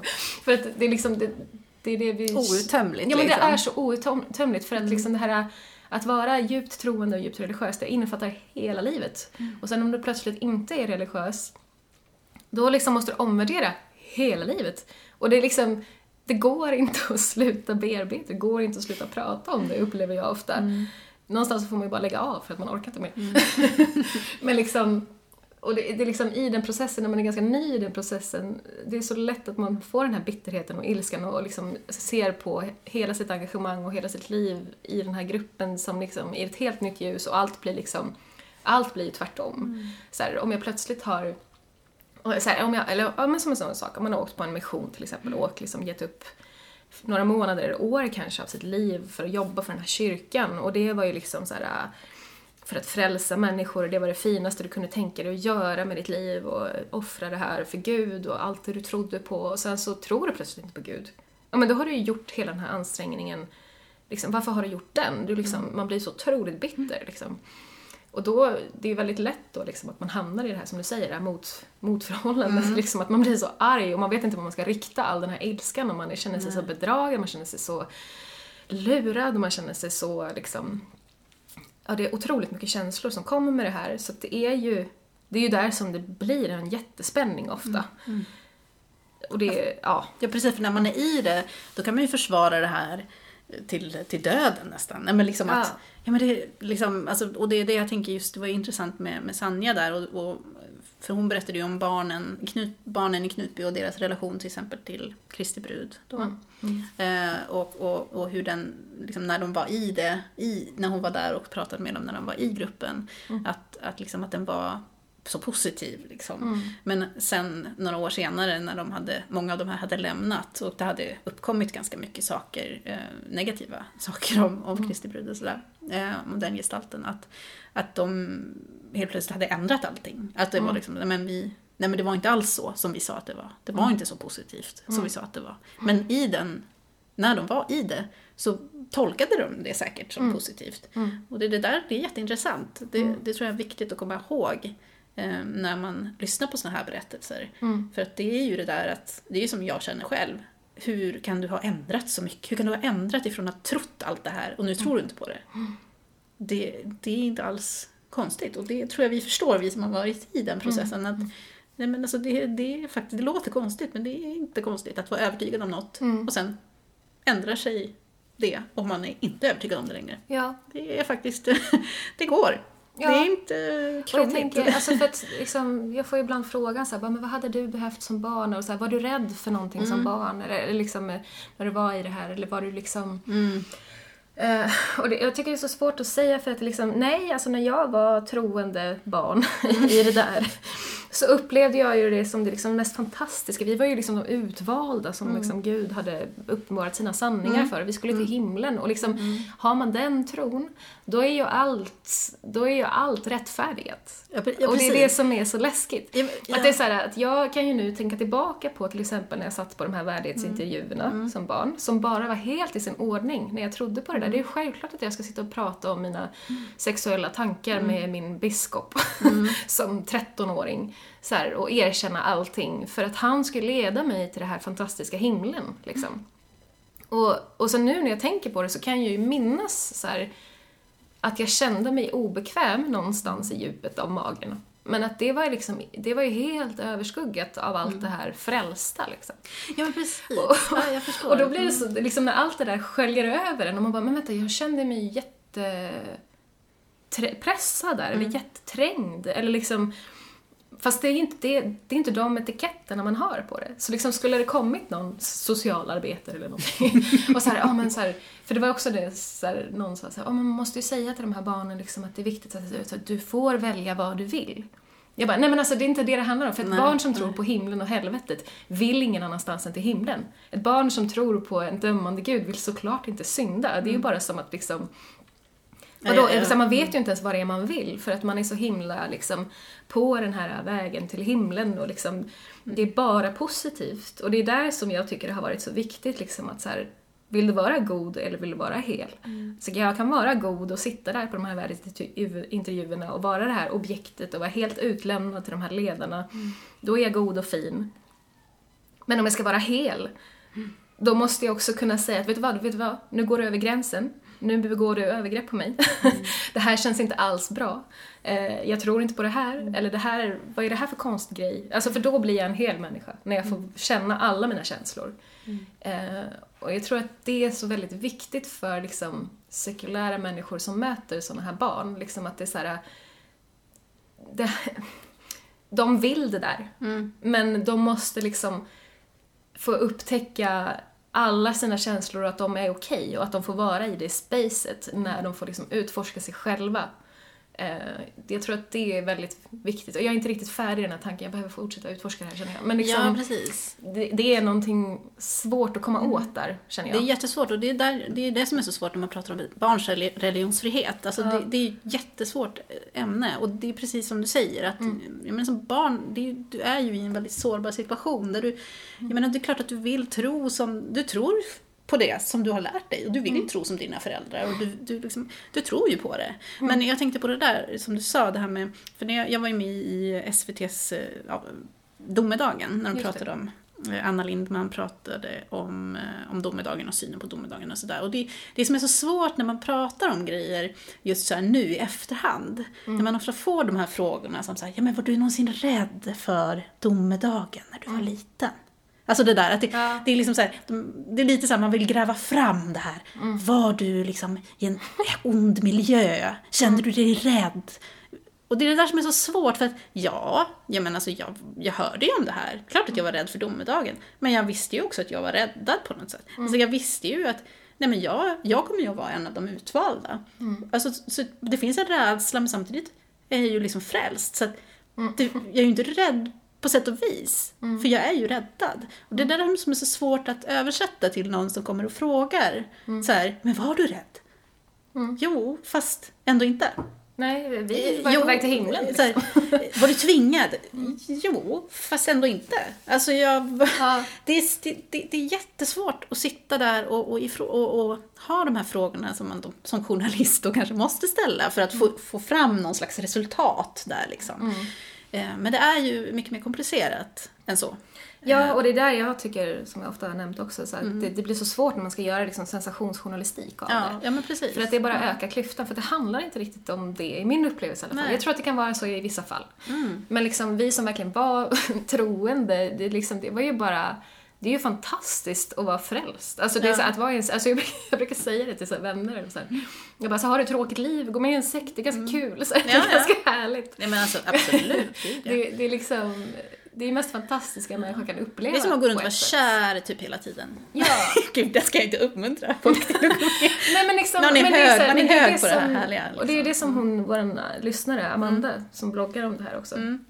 sa någon gång liksom att det, för folk så här, som är kvar, de kan ju säga men hur kan du inte tro att det finns en Gud? Hur kan du Mm. inte tro på allt det här fantastiska? Så liksom, alltså, varför vill du inte ha det? Jag bara, men alltså det handlar inte om det heller. Mm. Det hade varit jättehärligt, alltså, alltså mm, det här kommer ju verkligen från djupet av mitt hjärta på något sätt. Att det är så här, alltså hade mormonteologin varit sann, alltså ingen hade varit lyckligare än jag. Tänk om jag kunde få ha kvar mitt gamla liv och det kunde få vara intakt, alla mina gamla relationer och liksom hela mitt trauma som jag bär på. Tänk om det kunde få liksom inte vara så. Tänk om det kunde vara... Tänk om jag kunde vara på väg till den här himlen som jag blev lurad liksom, till att tro på. Men, men det är ju det, alltså det, är så här, det handlar inte om att jag vill att det ska vara så här. Det, det, men det här är ju den verkligheten jag lever i nu. Jag tror inte på den där himlen, jag tror inte på den här guden. Och då spelar det ingen roll hur fin den var. Liksom bara att den var så där fin, det blir, gör ju bara att jag känner mig ännu mer lurad. Liksom. Ehm. Ah. Ja. Vi hade också ett avsnitt eh, där vi pratade om eh, Finns det en rätt anledning att lämna tron? Det var ju Joel Halldorf som hade skrivit en artikel Ja, den där. touchar ju på det. Han pratade om att han eh, Han var ledsen att, att folk lämnade av fel anledning. Ja, folk lämnar av fel anledning och då problematiserade vi det lite grann. Finns det verkligen en rätt anledning att lämna tron? För jag tänker att eh, man inte tycker det inom kyrkan. Ja. Eller inom den kyrkan som jag kommer ifrån i alla fall. Allt är ett misslyckande liksom ifall... Ja, liksom, det är så här, ja men folk lämnar av fel anledning. Jaha, men vad är rätt anledning då? Va? Va? Va? Va? Men det Va? är den debatten som jag blir så störd på. Liksom, att säger ah, vi måste lyssna på våra avhoppare, eller så här, vi måste få folk att stanna. Jag bara så här, ah, eller så bara embracear ni tanken att liksom, kyrkan är en plats för de som tror på Gud. Och om ni kunde vara fine med det och ha självdistans till det, att det är så här, här är vi som tror på Gud. Och tror du inte på Gud så, ja, då... Liksom, Bye bye. Ja, men Eller så alltså- blir de bara bättre på att indoktrinera folk. Ja, eller hur? Bara, hur ska vi få barnen att stanna? Jag bara, men alltså, Vi har misslyckats med att indoktrinera, barnen. Vi måste bli bättre på det. Ja, man Ja. bara, ja men det låter jättebra, verkligen. jag bara, eller så är ni fine med att ni tror på Gud och vi tror inte på Gud. Ja. Herregud. Ja. Herregud, säger jag då. Eh, vi hade ett avsnitt om Snake Oil. Ja. Vi pratade lite om eh, sanning, tror jag. Mm. Där. Det var ju vårt näst sista avsnitt och sen hade jag och Amanda Ja. Lundin. Det senaste, sista avsnittet där var eh, med Amanda Lundin, jag och Amanda, som hade ett... ehm, vi hade skrivit en, en liten debattartikel också. Liten var den inte, det var en, det var en debattartikel. Det var verkligen en debattartikel. Eh, om, eh, som hette Vi bör hålla tyst om våra åsikter. Och den grundades ju på den här utredningen som gjordes av Bibeln idag. Som handlade om eh, varför så många unga lämnar frikyrkan. Och vi problematiserade väl den ganska mycket. Helt enkelt. Ehm, för de hade pratat, eh, i den här undersökningen så hade de inte pratat med människor som hade lämnat tron utan med eh, ledare inom kyrkan som hade tankar om varför människor lämnade tron, bland annat. Ja. Ehm, och det var jättegivande att prata med Amanda. Amanda har ju också en blogg som heter Amandas minnen. Där hon skriver eh, jättemycket spännande saker. Så gå gärna in och titta på det. Mm. Det, var, det var en Det var en snabb genomgång här av, av vad vi har gjort under de här åren. Ehm, var är vi nu idag? Vi har pratat lite om det. Jag, Ja. är, jag är på någon slags eh, så här, nu känner jag att jag har pratat om det här. Ja.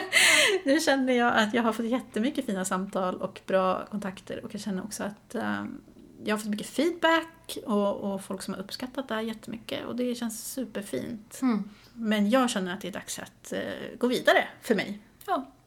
Ehm, ja. Och du, hur känner du Anna? Jag känner jag, alltså jag är ju lite yngre än dig på avhopparresan och har en liten annan historia sådär. Alltså, så att, men för mig har det ju varit jätte viktig kanal så här, för, att, för alla mina tankar. Alltså ni, ni hör ju när jag kommer igång. så här, jag får ju liksom brandtal på brandtal kring det här. Jag håller på så ganska mycket för mig själv också. Och skriver och debatterar och liksom försöker formulera mina tankar kring det här. Och jag känner väl liksom att eh, jag, jag vill på något sätt vara en röst för det, eller ge röst åt det här. Eh, jag vet inte riktigt hur och jag har inte liksom riktigt varit landad i på i vilken form och liksom sådär. Så för mig har det här varit ett väldigt skön, eller ett väldigt bra steg för att liksom bara få ordning på lite mer vart jag står, processa saker. Eh, också närma mig, alltså som jag sa också tidigare i min process så var, höll jag liksom, var jag mera liksom hjärtekrossad, eller hjärte, ja, var mosad. Hjärtemosad smoothie. smoothie. Och Smoothie. liksom att jag inte visste hur jag skulle hålla i det här ens för att det var för stort liksom och det, det, det är för, för mycket bara. Eh, Så jag tror att jag har liksom fått lite mer distans, det har varit väldigt läkande att prata med dig som har lite mer distans och har lärt mig just, just det här begreppet självdistans har jag processat väldigt mycket de senaste åren. väldigt bra. Det är väldigt bra sak. Ja, ja, och det har varit viktigt för mig också tror jag att såhär, att liksom, ja men jag har ett stort trauma kring det här och det processar jag på många olika sätt. Eh, men också att såhär, så småningom börja ta mer och mer steg till att liksom vara kanske konstruktiv kring det. Eh, Kanske göra det till någon slags nytta och kanske också liksom såhär, okej men vem är jag då ifall jag inte är, alltså för jag, jag har ju känt det ibland så bara, jag skulle ju kunna gjort vad som helst bara jag hade sluppit det här i mitt liv, bara jag hade sluppit den här uppväxten, bara jag hade sluppit den här kyrkan, det här traumat liksom. Det hade varit värt hur mycket som helst för mig. Samtidigt så, så är det den jag är liksom. Och oavsett det, så här, vem är jag? Vad, vad är det jag vill att mitt liv ska handla om? Liksom. Samtidigt så kommer man ju alltid, alltid vara märkt av det här och det är ju liksom, det är upp till en själv hur liksom stor del man vill ge det av sitt framtida liv. Precis. Och det, det är en process det också, det kan väl vara olika i perioder av livet. Ja, precis. Och du har ju varit eh, lite av en sidekick här Ja. till, till mig. Ja. Eh, och det är väl det som är grejen också, att jag har, jag har ju stått för ehm, ja, men mycket praktiskt jobb och Mm. klipperi och hållit kontakt med folk och inspelningar och sånt där. Så att, Mm. Och, och då, då blir det ju lite att när jag, när jag inte orkar och känner mig driven till det så Mm. faller ju du här ner med mig. Nej, men jag tycker också att det är, Mm. alltså, som vi har pratat om, liksom, att jag tycker att det känns sunt. Liksom, Att det är så här, eh, ja, men det här har varit ett projekt Mm. och det gav oss båda mycket. Alltså jag har ju varit jätteglad, jag har känt att jag har åkt lite snålskjuts på dig. Samtidigt så har jag varit väldigt, alltså vi har ju båda varit nöjda med liksom upplägget som har varit. Ja men verkligen, det har ju varit, varit supergivande. Och, äh, nej, jag håller helt med. Och jag känner inte att du har åkt snålskjuts. Men, äh, men, äh, men det är det där, det är mycket jobb med en podd. och nej men som du säger, jag tror att det är jätteviktigt att kunna också se saker man gör som så här, ja men det här var ett projekt och vi har förmodligen, förhoppningsvis fått, fått ge någonting till den här debatten och till människor som lyssnar. Och det känns jättefint att vi har kunnat göra det. Ja, verkligen. Eh, Men vad händer nu då? Här i framtiden? Vad händer i framtiden? Ja, då ska ju jag berätta då att eh, podden Exvangeliet kommer att ligga kvar på kanalerna så länge. Och de här bidragen som har fått eh, av lyssnare ekonomiskt kommer att användas till underhåll eh, av, av podden. Eh, så, så länge det är hållbart. Ehm, så får vi se hur länge det blir. Men den kommer att ligga kvar så länge.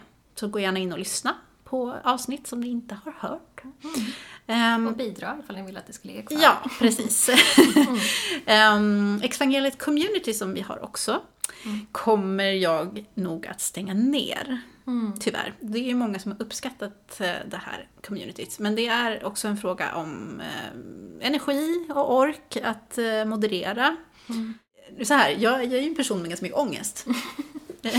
ångest är min arvedel. Ja. Och ehm, jag kan väl känna liksom på senare tid har det varit, ja men gett mer ångest för mig att gå in och moderera och, och fixa och greja. Än, eh, än vad det har gett mig. Eh, så att eh, det måste jag lyssna på, mig själv. Och, eh, det är inte bra, gå runt med mycket ångest under en lång tid. Så att jag kommer att lägga ner den faktiskt. Men jag vill uppmuntra alla er lyssnare och ni som är med i communityt att eh, jättegärna starta en ny grupp. Så att eh, communityt kommer att ligga uppe ett tag till. Eh, jag kommer att informera om det eh, på, i gruppen. Ehm, så att eh, använd gärna den här eh, plattformen till att eh, prata om om det är någon som känner sig taggad på att starta en ny grupp. Ehm, och bjud in människor till det. Det är helt okej att göra det via communityt. Ehm, det vore ju superkul. För jag tänker att det förmodligen är ganska många som har, som har önskan och tanken och viljan att faktiskt göra någonting sånt. Eller starta en ny podd eller vad som helst. Alltså det finns ju så många olika röster som kanske inte har samma ton som vi har haft. Man kanske vill starta en raljerande podd där man bara sitter och svär och dricker sprit och Det har vi gjort en del också. ja men sånt där, herregud. Nej men liksom, det vore väl jättehärligt. Mm. Ja, alltså vi vill ju verkligen bara uppmuntra, alltså det har ju varit en del av din tanke också. Ja, det här med verkligen. Att, att eh, bara få folk att våga prata om det här kanske, Mm. för det behöver pratas om, det behöver dras fram och tillbaka och, och bändas isär på så många fler sätt än vad det har Verkligen. gjorts. Verkligen. Så nu kommer vi avsluta här med, med en liten uh, Tove Jansson Muminfamiljen-berättelse här du...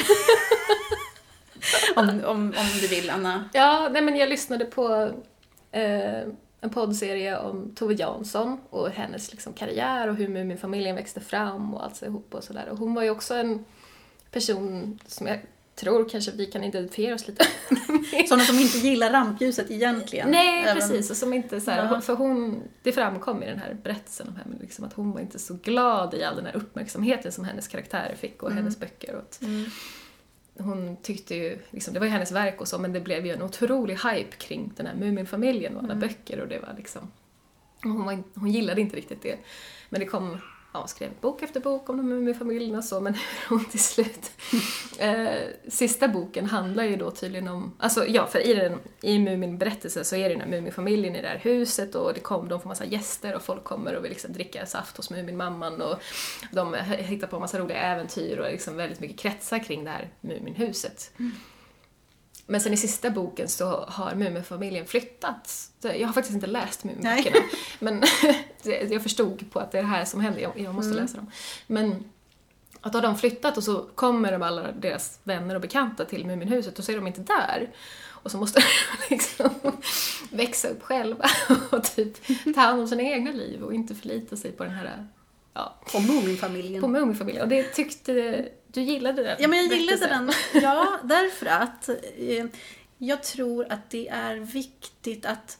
Jag, jag tänker liksom att ja, men, när man höjer sin röst så här, som vi ju har gjort, ehm, och sätter ord på mycket saker och sådär, så blir det eh, blir det så att alltså, man, kan, man blir också en, på något sätt en, en förebild eller någon typ av eh, figur där liksom, ja, men, ja, men jag känner ändå så här, jag har ändå gått ut i så SVT och SVT och pratat om de här grejerna och jag har inte problem med det. Eh, och vi har pratat mycket om det och sådär. Men jag tror att det är jätteviktigt att man inte heller bara förlitar sig på till exempel då en podd som Exvangeliet. Att, att ja, men, men nu finns den här och, och det är liksom de för ens talan och sånt där. Utan, utan att man, poängen är ändå på något sätt att ja, men det handlar om att, att man själv ska kunna processa det här och, och använda sig av det som, som vi har pratat om. Ehm, ja. Vi vill inte vara era nya pastorer. Nej, vi, vi vill inte vara en ny kyrka och jag tror att det är jätteviktigt att, att som sagt, det är jätteviktigt att det finns sådana här grupper och att människor får prata med varandra. Men att man inte heller behöver binda sig till det utan att ja, men det, allting har, har en tid. Allting har sin tid. Citat Bibeln. Eh, usch, jag hatar det där. Uh, mm. tillbaka till det. Men, eh, nej, men, men liksom att, eh, nej men ibland är det bara bra att, bra, någon annan får jättegärna ta vid och göra det de kan för, för såna här typer av frågor och sånt där. Så att eh, vi gör som Muminfamiljen och vi flyttar till en annan ö. Ja. Ja, så Nej, gör vi. men det, det var det, helt Ja, enkelt. har Vi du- är- Ja. vad om vi har mer att säga? Ja, har du något mer att säga, Anna? har så mycket att säga alltid Ja. om det här, Hanna. Ja. Ni ska höra mig, alltså så fort jag får Mm. lite i glaset som jag brukar få av dig. Ja. Men gud, jag var som din langare. Okej, du kan klippa det där. Nej. Nej, men, det är det här jag pratar om. Ja. Alltså jag har så himla mycket om det här ämnet Ja. liksom, i mig som bubblar upp hela tiden. Och det finns ju också väldigt mycket mer ämnen att prata om. Och jag har ju känt det så här, åh det här ska vi ta och prata om. Och vi har fått mail från er lyssnare och det här borde ni inte ta upp och det här borde ni inte ta upp. Och jag har känt bara så här, åh jag vill. Men det har inte funnits energi eller ork. Så att eh, det finns så mycket mer ämnen att prata om. Kör hårt, alla ni som är taggade. Och jag kommer förhoppningsvis att lyssna på er också, om jag orkar. Men, men vi eh, hejar på alla som vill prata om det här på olika sätt. Ja. liksom, det finns ju inte rätt eller fel sätt att prata om det här på. Alltså, det är också det att man, det är så känsligt på något sätt och man är ju van med liksom så här, åh vi måste säga det här på rätt sätt och vi måste liksom gå den rätta vägen. det är ju inte så. Nej. Alltså bara let it out. Så. Let it out, girls and boys and all you in betweens. Hej då! Hejdå!